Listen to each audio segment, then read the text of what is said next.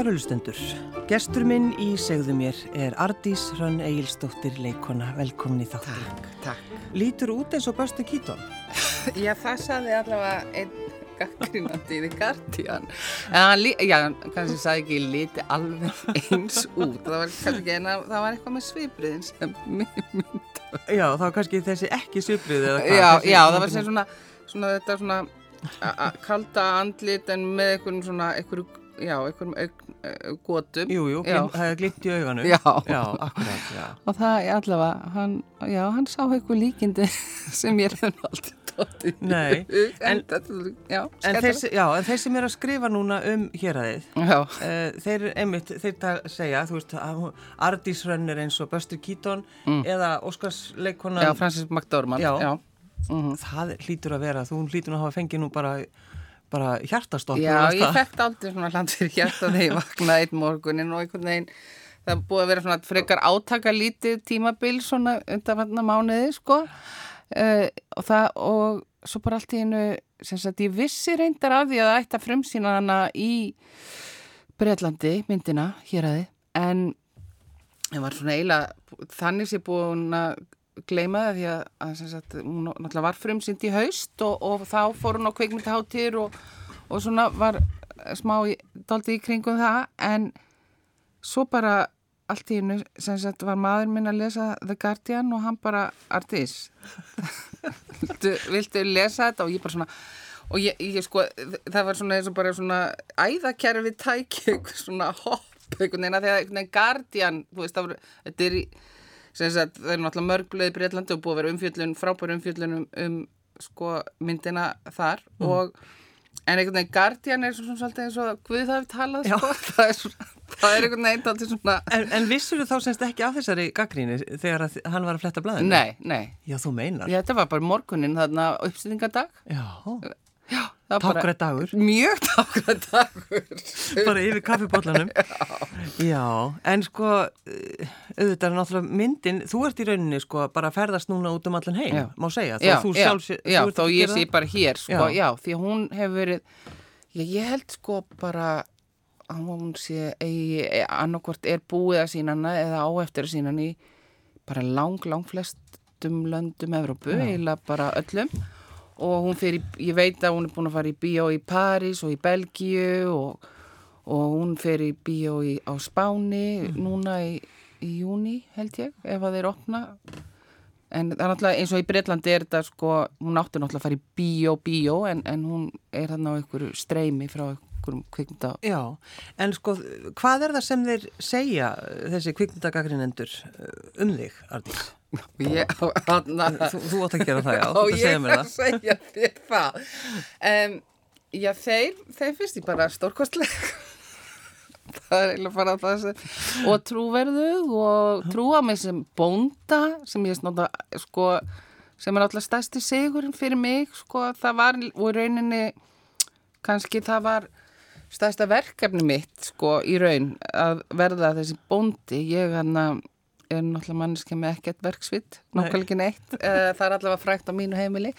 Og þannig að það bara ég sem náttúrulega ég gerði með hjálp góður að bænda að, að gæti já, kert traktor og tekið móti kálum og, og hann unnið svona hinn helstu bústar við náttúrulega bara sjálfsveit kraftaverk sko Nei, og líka bara hvernig maður, þú, hvernig maður reyfir Já, þegar maður er að gera já, hlutin og allt þetta, þannig að sé trúur. já, já Og, já, Það, ég, ég fór náttúrulega, ég var úr sleppin með það að ég, ég fór bara í starfstjálfun til hann er heiði fjallabónda. Já. Ég bara hugsaði, sko, ég, þú veist, ég ætla ekki að líta þessu fáviti þannig út í, í bústurunum, sko, að því ég vissi alveg að þetta er bara einhver heimur, ég hafði aldrei verið sveit og þetta er bara einhver heimur sem bara er mjög langt frá mér og þannig ég fór bara einhvern veginn með rútunni og til hennar í og Það var eins og- eins og lítið Já, barn að eins í og sveit. lítið barn, ég var svona nýjar stelpa og mér leiði eins og nýjar stelp hann kom og sóti mig og, og þegar ég gisti fyrstu nóttin í herbygginu mínu það leiði mér bara eins og nýjara Já. og bara í svona í- í bókunum, þú veist, það var bara þannig stemming og ég var bara með ofsar, ofsarhætt og allt það en, en mér tókst einhvern veginn að hjálpa henni allavega að sópa fóðugángirinn ég mann hún sagði, ég mútt gera við þessa girðingu. Og ég hugsaði, þetta var bara svona eitthvað að taka ykkur að nagla út og ég bara svona, þetta hef ég ekki gert síðan ég var í smíði í Nýjarbekk og ég var ekki góð í þá. En, en mér tók, það var æðislegt. Og hún er alltaf stórkosli manneski og algjört sko náttúrafl og það var Mhm. mér, ég var hjá henni já, tæpa viku held ég. Og það var rosalega gefandi. Og þá einhvern eftir þá viku, hún er reyndar sko með kindur þannig að ég lærði ekkert á beljur þá en bara að fá þessa tilfinningu að vera bóndi og trúa því einhvern veginn að ég gæti orðið bóndi. Já, og Er- þá fatt að ég gata alveg og ég menn auðvitað er þetta er í æðum okkar allra. Ég menn við erum öll komin að bændum ég menn það er ekki, þú veist það stutt síðan að forfeður okkar voru bændur, þetta er allt veist, þetta er, við þykjumst vera veist, við er ekki eins og við séum eitthvað rosa kosmopolit Nei, samt, ekki. veist, það er ekki ekki þannig. alveg. Nei. Er, er þá verkvitið orðið eitthvað betra hjá þér, Artís? Ertu farin að svona slá um á heimilinu? ég er allavega svona reyni mér tókst einhvern veginn allavega að laga eitthvað hillu í já, þannig að það er, já, jú, ég er svona fekk ákveðið sjálfströst sko, Já, en ég, veit ekki hvort að það verða aðrir eru dæmið það, hvort það hafi lagast mikið vexvitið. En hvað er það sko með, uh, af hverju eru breyta svona hrifnir að héræðinu? Ég held að, já, þeir tekja mjög stert við hana. Það er, ég hugsa það sé þessi barátta lítil magnans, gagvart kerfinu og valdinu og auðvaldinu. Ég held að það sé eitthvað, snertir eitthvað svona, uh, já, eitthvað, þráð hjá þeim og eitthvað, snertir hjartað þeirra, sko, um, og sem sagt, kona sem einhvern veginn, sko, er á miðjum aldrei, hann talar um þarna, hann Peter Bradshaw í, í Guardian, sko, að hún, þú veist, það, þú veist, það er, hún er hókin á lífinu og, og, og hann talar um að ég yngist í, svona á meðan að vi- myndin, sem sagt, að- eftir því sem líður á myndina og það sé, sko, að það einhvern veginn ætti að vera öfugt að einhvern veginn að allir þessi barótta og þessi fjár, fjárrags ágjur og það að, eh, þú veist, að hún sé að vera gjaldróta og allt það og náttúrulega hún missi mannin sinn og, en það einhvern veginn gefur henni bara kraft, bara skýtt með það, sko, Já, og verður bara yngri og yngri. Yngri og yngri og hún verður bara einhverju náttúrafli, Já, sko akkurat. og þannig að þú veist systemið eða kerfi lemur hann ekki niður heldur bara hún einhvern veginn já, finnur sér sína leið. Og það er náttúrulega ákveðin svona frelsbaróttu konu líka. Konu, þú veist, sem er í kallaheimi og ég veist að þeir tengja náttúrulega líka við það. Mhm. og að því að, þú veist, bændaheimurinn er náttúrulega svona kallaheimur. Og nei, svo er þau kannski bara hrifnir að miðaldra konum, ég veit ekki, hvað veit ég, hvað veit ég Þetta ekki að spyrja mig að því. Já, Já, en, en þarna við uh, morgunverða kaffið, sko, Já. eins og þú lýsir bara, Já. þú veist, þér í rauninni uh, því brá. Já, mér brá að því ég meni ég auðvitað sko hefur myndi fengið fullt af viðbröðum og ég meni á kvikmyndaháttíðum og hún var búin að fá fullt af þú veist, hún var búin að fá gaggrín í þessum flottu kvikmyndatímaritum eins og Variety og Screen Daily og rosa fína gaggríni bara um, en það er einhvern veginn sko þetta er samt kannski ég veit ekki, þessir fjölmiðlar eru svo nálátt okkur og þú veist og Guardian og, og The Times og Spectator og eitthvað svona blöð, e, já, breska, pressan er svolítið einhvern veginn og þeir eru bara svo áhrifamikli, þetta er svo, á, þetta er sko Guardian er og þetta er svolítið svona sem við lesum til þess að, þú veist, vita hvað er í gangi í menningu og, og, og listum, við lesum bóka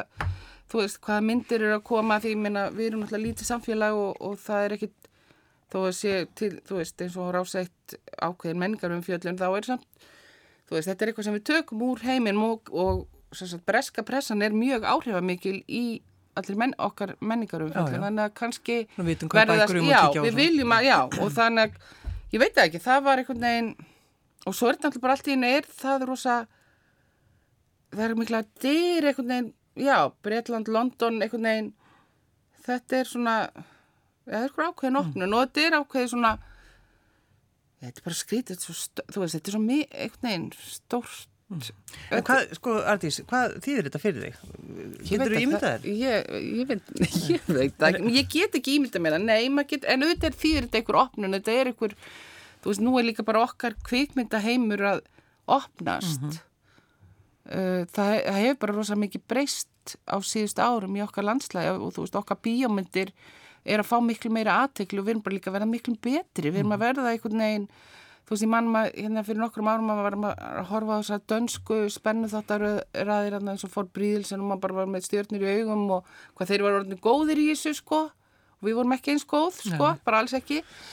En hann en við erum að, þú veist, fara á. Það er komin ákveðin svona fagkunnóta og ég meina, maður fann þú veist, þessum kvikmyndaháttíðin sem ég fór ég, nok, ég fór hann á nekkar í haust og maður finnur bara á viðbröðum frá fólki og maður, sko, sem eru alveg svona þungavíkta fólk, hvað þú veist, við vekjum aðtikli, þú veist, ég er ekki að fara eitthvað að hæpa upp hvað Íslendingar sé æði eða neðsvoleiðis, en það er bara, þetta er samt lítil þjóð og við erum að verða bara betri, Mm. þú veist, og, og við erum að gera, það er fullt af flottum kvikmyndaleikstjórum hér sem er bara að gera ótrúlega góða hluti og þú veist, og við leikar þar af leiðandi fylg, eh, fylgi við með og allt.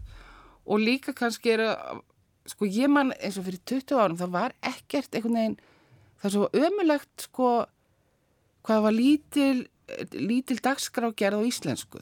Veist það er og það fannst öllum með það eitthvað rosalega ótrúverðugt loksins þegar kom einhver þáttur en það var bara því að fólk var bara ó, ó, þú veist það bara va- vanar því að heyra þú veist ensku heldur en íslensku. Þannig að það hefur náttúrulega Það- ótrúlega mikið breyst sko í gegnum árin. En hvað er svona, Artís, uh, sko, veistu hvað er framundan hjá þér?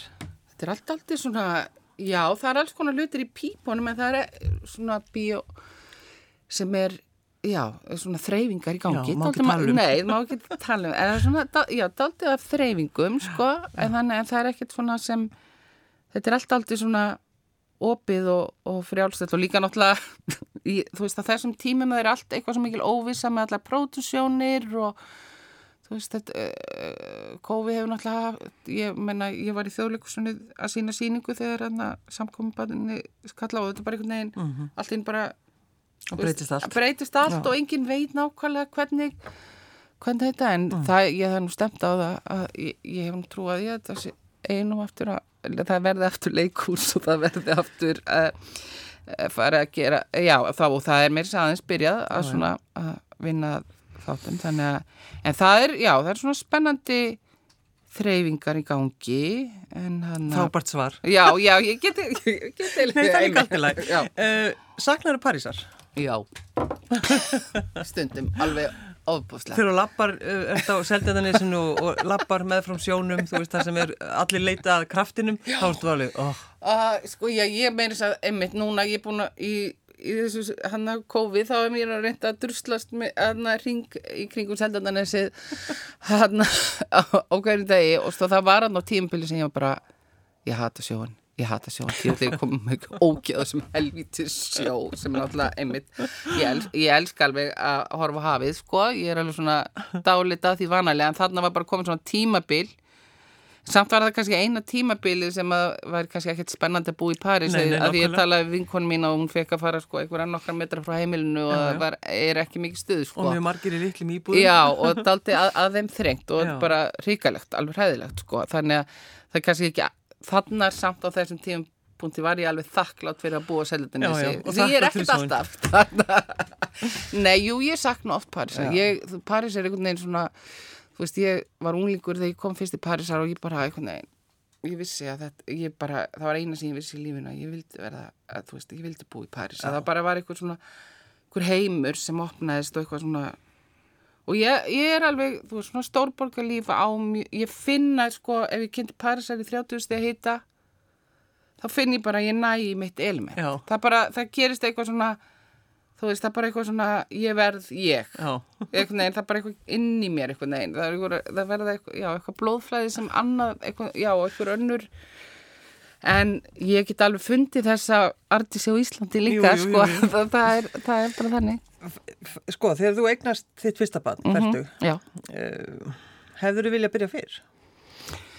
ég hef alveg já, já, ég stundum he- hefði ég viljað það en, en sko bara lífið er einhvern veginn svona, þú veist og ég er bara ótrúlega þakklátt fyrir að eiga úlfylgdi mína sem ég eignast þegar ég var færtu og hún er að verða 11 ára og hún, hún náttúrulega bara er svo velhefnuð og frábær og klár og yndislega að það er bara, þú veist, það er ekki sjálfgefið og, og ég bara, þú veist, er mjög þakklátt fyrir það. Og stundum hef ég alveg velti fyrir mér hvort ég hefði verið, þú veist, að eiga annað batni eða eignast fyrir en ég menna þannig það þýr ekki að vera að spá í það. Nei, nei. Og, og mér fannst, í rauninu var ég á fullkomnum aldri fyrir að eignast barn. Ég myndi segja að þetta væri bara fært út, væri bara frábær tími Besti tími til að verða ólega. Þú veist, ég veit ekki hvernig ég hefði átt að þú veist, ég, þú veist, ég var í Paris millir 20 og 30, þá var í svona bóma líf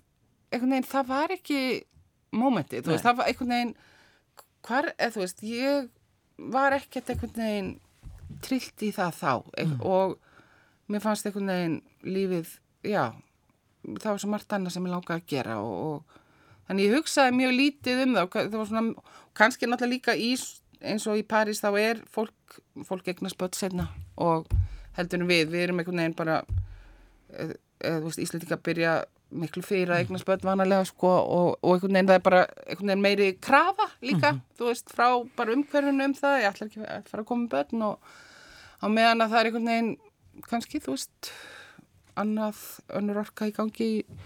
Þú veist og fólk þarf bara líka á allir sinna orku að koma sér áfram í svona stórborg sko. En, en jú stundum er sko, nei, ég bara já, mér fannst þetta, ég hafði einhvern veginn þú veist, ég var svo glöð, það var svo gaman að að eignast hann og ég fór sem sagt sumar eftir að við, ég eignaðist úlfið að fórum við í fæðingarólof til Berlínar, vorum heilt sumar gennum íbúðaskipti og þar var ég í Prensláarberg og mér eru aldrei líðið eins mikið eins og normi eins og í, í Prensláarberg það voru allir svona mið, miðaldra bóðumskir foreldrar með unga börn það var allt fullt af unga börnum og það voru, ég var bara eins og allir það Já. var bara stórkuslegt Nei, en ég bara, þú veist, þetta er minn tími, þú veist, ég er kannski seinþróska að þessu leiti en þú veist, þetta var einhvern veginn minn tími til þess að þannig að vera tilbúin en þú veist, auðvitað Þú varst náttúrulega kannski bara að býða eftir honum Eiríki. Já, kannski var ég bara byggð eftir með ég sem ég var pottið að gera og, hana, og það var líka mikið gefið spór að hitta hann í heitapottunum og, og hana, Já, þannig að þú hitti manniðin í heita ég hitti mannir minn í heitapottunum en við reyndar sko, við vissum alveg af hvort öðru og við eigum við, þetta er aldrei skemmtilegt, við áttum alveg svona við eigum alveg svona sameigilegan vinhóp eða mjög marga sameigilega vini, við vorum bæði í MH en hann er tveimur árum eldri ég, miklu eldri ég. Og hann og við en við þekktumst ekkert. Það er einhvern veginn vorum að setja hvern mendanum einhvern veginn í, og hann bjó líka í Svíþjóð og ég hann til París og þú veist þetta er svona við vorum ekkert mikið að skarast á en mér fannst hann alltaf mjög skemmtilegur í þessu fáskipt sem ég hafði hitt hann. En svo einhvern veginn hittust við í heitapottinum og, og, og það var bara einhvern veginn mómentið í, þá og, og, og svo bara já, síðan erum við búin að vera í þessu saman. Já, og síðan aðtúar hann hvað er skrifað um því í, í erlendu miðlum. Já, já, og hann, já, og, og ímislegt meira, ég, hann alltaf, hann er bara ótrúlega, hann er alltaf svona, einhvern veginn, mikið haldreipi, hann er alltaf, hann hefur verksvitið, sko, Já, og, og er líka mjög svona hæfileikaríkur, skemmtilegur og, og, og, og spila fyrir mig á, á piano á mótana Já. og það, þá verður allt gott, sko. Já, nákvæmlega. Uh, viltu segja mér aðeins frá sýstuðinni, Ardís? Bróðinu, já, mitt ég. já. Já, bróðinu. Um, ég á sko, ég er elst af hana, ég er elst af uh, við, ég átti sem sagt fjóra yngri bræður en það var einn af þeim sem dó og ég er, ég er sem sagt elst og ég var þegar ég var 15 ára þá sem sagt veiktist hann þetta er sjúkdóm, hann hétt Egil Högni og Högni bróðir er sem sagt skilður í höfuð á hann Mm.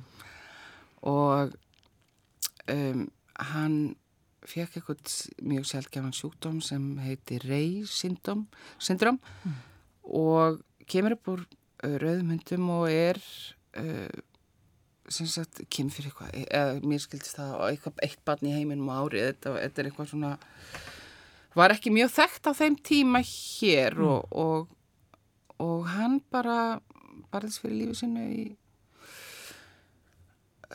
daldi tíma en svo bara dóan og þetta var náttúrulega bara eins og hamfarir sem koma yfir fjölskyldu sko. þetta breytir öllu. Þetta, ég menn ég var 15 og var bara einhvern veginn miðri gelgju og í D14 og, og svo bara allt í hennu uppkvæmta með það að lífið er ekki sjálfsagt sko og hann var, við vorum mjög náinn sko, ég var 15 og hann var það 5 ára og ég náttúrulega, þú veist, passa hann endalust, hann var alltaf svona aftan í mér. Já, já, alltaf fangin. Já, megin. já. já. Þannig þetta var, þetta var náttúrulega mikið sko, já. En hvernig tókust þið, Hrönn, eh, sko, hvernig tókust þið, Sem fjölskylda? já, hvernig Ég gekk það? Það, sko, ég held að við hefum fengið mjög mikla hjálp með að við, sko, ég held að við hefum fengið ráðgjöf og bróðuna með með læknir og þannig við áttum alveg svona og hafði, sko, svona, já, tengsl inn í svona sálu, já, sálfræðinga, geðlækninga teimi og við fengum alveg svona, held ég, svona með þann tíma alveg, já, akkurat, þú veist, að að spyrja. svona um, þú veist, að því á þeim tíma var allt svona lokað og ég man alveg til að það voru svona, þú veist, fólk vissi ekkit, vinkonum mín vissi ekkit hvernig það er átt að tala við mig og þú veist, það var einhvern veginn og svo braust þetta út einhvers þar á einhverju diskoteki að krakkar voru búin að fá sér aðna brennivín og einhvern veginn, það var, þú veist, fólk kunni ekkit að díla við þetta, það var ekkit tala um þetta í skólan með ekki eins og núna, Nei, nei. þú veist, núna myndir, það var bara, þetta var einhvern veginn, allt svona var bara lokað á. Dálítið. var bara að tala ekki um döðan? Nei, það var bara ekki talað um döðan. Það bara var ekki... En við fengum nú sko dálta svona, já, dálta ráðgjöf minni eh, svona og, tölu, og töluðum um þetta fjölskyldin. Mamma og pappi reynda skildu sex árum síðar sko og eflust, þú veist, þetta er svona áfall, hef, hef, svona sorg hefur mikil áhrif inn á heimili en ég man til dæmis, ég fór til, við fórum öll fjölskyldan saman til Parísar sumar eftir að Eilöfn dó Já. og það var örgulega það hafði örgulega þau áhrif að einhvern veginn að mig- ég vildi búa í París, það var örgulega einhver svona opnun bara við að sjá þetta líf og þe- þessi, þetta svona þessi æfintýra borg sem að um, breytti, þú veist, þetta var viðbur, þetta var, þetta áfall breytti en, en og þú veist, ég sakna hans ennþá og ég fa- fann alveg að þetta, þetta er eitthvað svona áfall sem kom til dæmis þegar ég varð ólétt því þú veist, það var þú veist, maður geymir það og svo kom það, hugsaði rosalega mikið um þetta þegar ég var ólétt Ég var Mm. Varstu alveg- þá, var það hræðsla þá? Já, ég var alveg hrætt og, og líka bara einhvern veginn að koma þetta til mín. Ég var að vera móðir og, og einhvern veginn og mamma hafi gengið í gegnum þetta og að missa batn. Já, þetta er svona allt einhvern veginn, já, hafði alveg dál til svona, þetta kom svona eins og flóðgátt til mín, sko, svolítið, sko. Já, já. Það er einhvern veginn, kannski, já, kannski var ég svona líka svona senður, sko, að því að, þú veist, ef, kannski var ég hrætt líka eða einhvern veginn, ég meina, en, já, en þannig að þetta sorgin einhvern veginn kemur alltaf til mann, sko, svona, aftan að manni þegar maður veist, veit ekki alveg af henni, sko, þannig að þetta hverfur aldrei þó að þetta, þú veist, já, og ég meina, svo fyrir mamma og pappa, eh, þú veist, það er ekki hægt að lýsa því hvernig það er að fyrir fólk að missa barni sitt, það er, það er bara, neginn, svo mikil stór sorg, Já, já. eða ólýsalega sorg. En er það þegar að sorgin svona einhvern veginn bankar upp á hjá þér Artísran, ertu orðin að því að, þú veist, maður þroskast og breytist, sko, eh, ertu þá að díla við það einhvern veginn öðruvísi í dag eh, eða, Já, ég, ég meina, maður hefur náttúrulega bara einhvern veginn lært að, að þú veist, ég hef alveg fengið, þú veist, ég, ég meina, ég er náttúrulega með, þú veist, tilfinningamanniska og allt það, sko, og hef alveg gengið gegnum að mínar, þú veist, mitt líf með alls konar útudúrum og, og vitlisum og, og rugli og hérna, þannig ég hef alveg, sko, þú veist, farið til sálfræðings og geðalagnis eins og margir bara og, og bara eins og maður á að gera? með eins, bara eins og maður á að gera, sko hafið það, þannig að væri bara fárálegt. Já. En já, en ég einhvern veginn, já, svo, svo, þú veist, ég held að með aldrinu, þú veist, nú erum við að verða svo gamlar að einhvern veginn, að það er einhvern veginn bara, þetta bara svona flæðir meira svona í gegn einhvern veginn og, og maður stundum verður maður meir og maður svo grenjar yfir einhverjum bíómyndum og, en svo, já, vaknar maður mótnan og bara, þetta er nú samt helviti fínt, þetta Já, líf, sko, já, já. það er bara, og það er nú það einu sem við eigum, sko, og það er, og það er svo gott, sko, og, og líka að einhvern veginn, þú veist, klísja læra að njóta hverstagsins, en þú veist, bara, þú veist, sjórin er bara helviti hann er bara nóg Hann er sko. nóg, sjórin er bara nóg Já, en þetta er náttúrulega svona hluti kannski eins og fyrir þig bara sem leikonu Mhm, Þú veist, maður er oft talað við leikara sem einmitt talað um þetta þegar maður er búin að upplifa einhvern sásöka Já, mhm. og bara Öll hafa reynslu já, bara. lífsreynsla náttúrulega er eiginlega nöðsileg fyrir mann sem leikara, Já. það er eiginlega getur ekki verið í einhverju vakumi einhvern veginn, það hjálpar þér ekkert endilega já, þannig að það er náttúrulega, þú veist, þetta býr allt í manni, Mm. það hver maður hvaða líf maður hefur einhvern veginn, þú veist það, lífið sem maður hefur lifað er einhvern veginn er í æðakerfinu og það hjálpar manni sem leikari að hafa ákveðið aðgengi að einhvern veginn, ég- eða þú veist, aðgengi að tilfinningum, ég veit ekki hvort það er, það er svona, það er, svo, það er ekki, þetta er ekki alveg þannig, Nei, maður bara einhverja opna skáp- skúffu. Já, nei, þetta er ekki þannig, þetta er, en, en þetta er, ég meina, lífið, einhvern veginn, gerir maður, eða þú veist, að, að einhvern veginn leikara, eða þú veist, betri leikara, það er einhvern veginn að skilja, þú veist, hafa lendi einhverju eða skilja annað fólk eða og skilja hana fólk Já, það er svolítið held gott. ég aldrei, já, mikilvægt einhvern veginn og allavega að vera opinn fyrir því að reyna að skilja, skilja bónda sem er þrjóskur. Já, já, það er einhvern veginn og ég mani mitt eins og í og það verða alltaf svona glims í einhvern veginn heila kveilinu stundum, ég myndi að skilja bónda sem þrjóskur, þrjóskur ég það einhvern veginn ég man einhvern tímann að ég var að leika hér aðeins og var að lappa þarna í dölunum einhvern veginn og horfið þarna út að haf og þá, nú fannst, þá fannst mér ég vera svona með Ísland innan í mér einhvern veginn veist, og allt inn bara skilja bjart í sumar, það var svona, ég svona eins og allt og ég skildi að það, það er svona koma svona stundum svona clarity moment Já. í lífum hans ég skil allt. Ég skil allt, ég skil bjart en já, þannig að það og það er náttúrulega það sem er svo aðeinslegt við þetta starf er einhvern veginn að kafa ofan í alls konar Mm.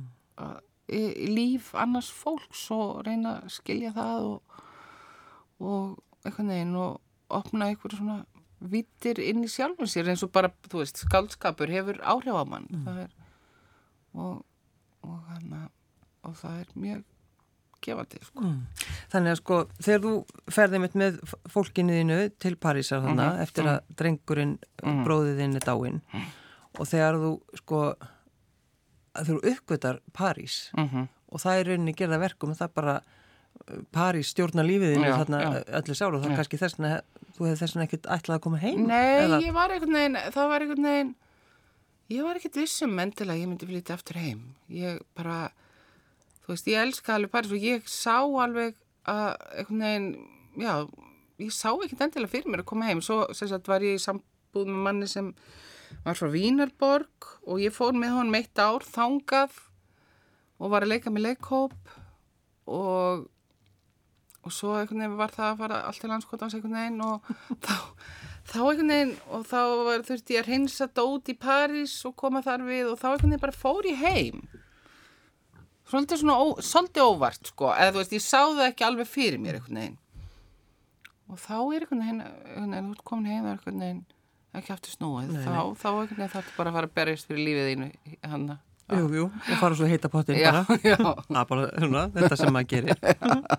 en þegar þú komst heim og, Mm. og, og, og þurftir sko að fara að þú veist, segja, hér er ég, uh, ég er leikuna Mhm, og ætliði ekki ráða mér vinnu. mhm, mhm. Hvernig gekk það? Það eins mér ekkert rosalega auðvelt. Ég á ekkert rosalega auðvelt með það einhvern veginn svona presentera mig. Ég, þú veist, ég var svona, veist, ég er svona bæði introvert og extrovert og svona feiminn og, og líka, þú veist, hefur alveg, en ég svona, ég varkar oft í svona samskiptum fyrst við fólk, sko. Þannig að það reyndist mér ekkert rosalega auðvelt. Ég reyndar, við var nú heppin að Bernd Erlisson, gammal vinn minn, hana, við settum upp einleik eftir Jón Gnarr í Hafnafjörðarleikusinu sem var svona, svona eins og kynningarstöf svona og það gekk mjög vel og var mér skemmtilegt sko, hétt góð kona. Og ég held meira að það hafi verið fyrsta verk sem Jón Gnarr skrifaði fyrir leikur svo held ég að fyrsta sem Benni uh, leikstýrði. Um, og það bara gekk mjög vel og var gaman og, og og fekk fína dóma og svona. Og svo var ég svona svolítið s- svona, ég fór ekki alveg beina leið að sko, þú veist, ég var í svona svolítið, náttúrulega í svona sjálfstæðgeira settum svona Marja Reyndal og við fleiri Elma Lísa og Þrúður og Jóna settum síningu sem heit Beiglu með öllu í yðnú Alveg rétt, já. og hún var reyndar rosa success, ég held hafa aldrei verið með jafn góðu laun eins og fyrir þá sýningu og alltaf, alltaf, og já hvað er búku föt og rosalega skýsur Já.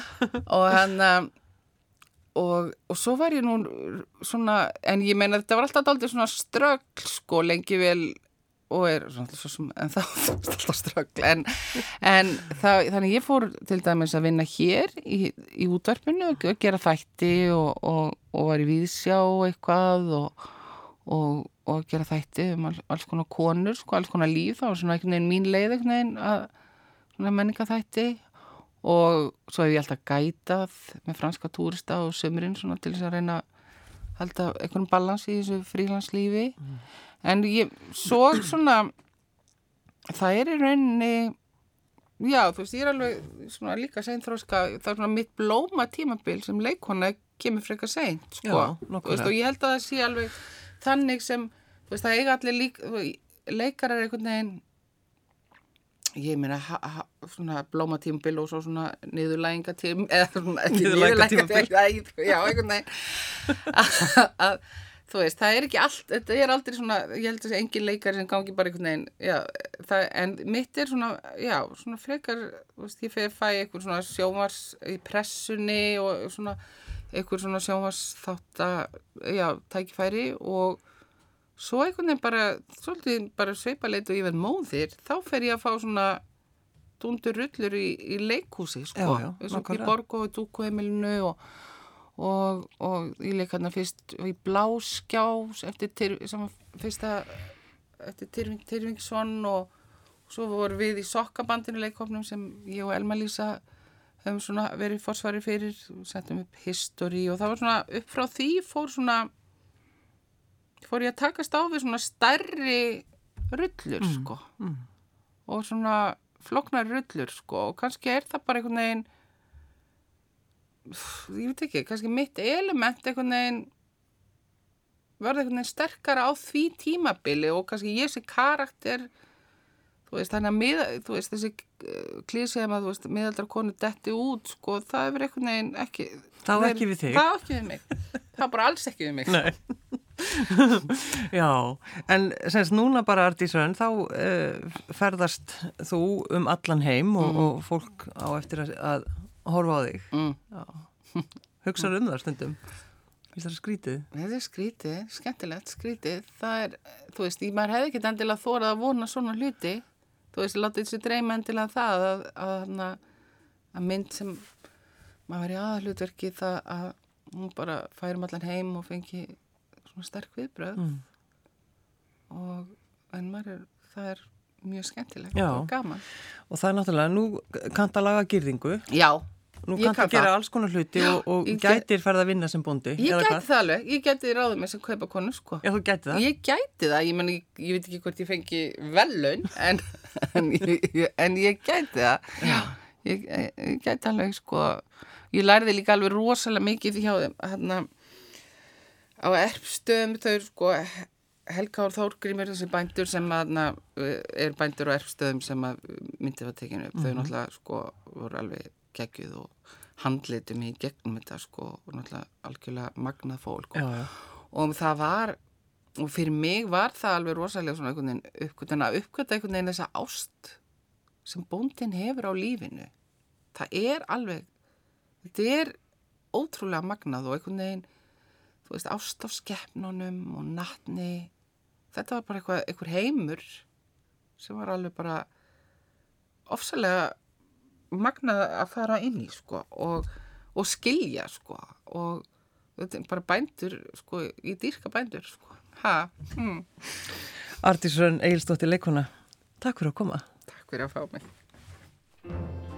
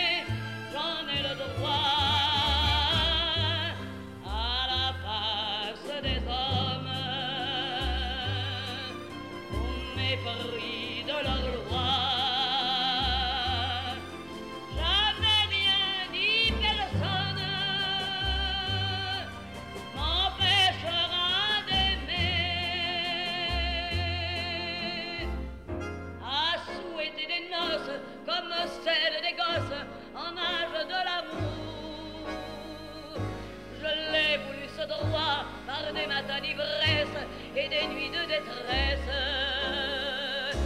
Luttant pour cet amour, je l'ai conquis ce droit par la peur de tout perdre. Au risque de me perdre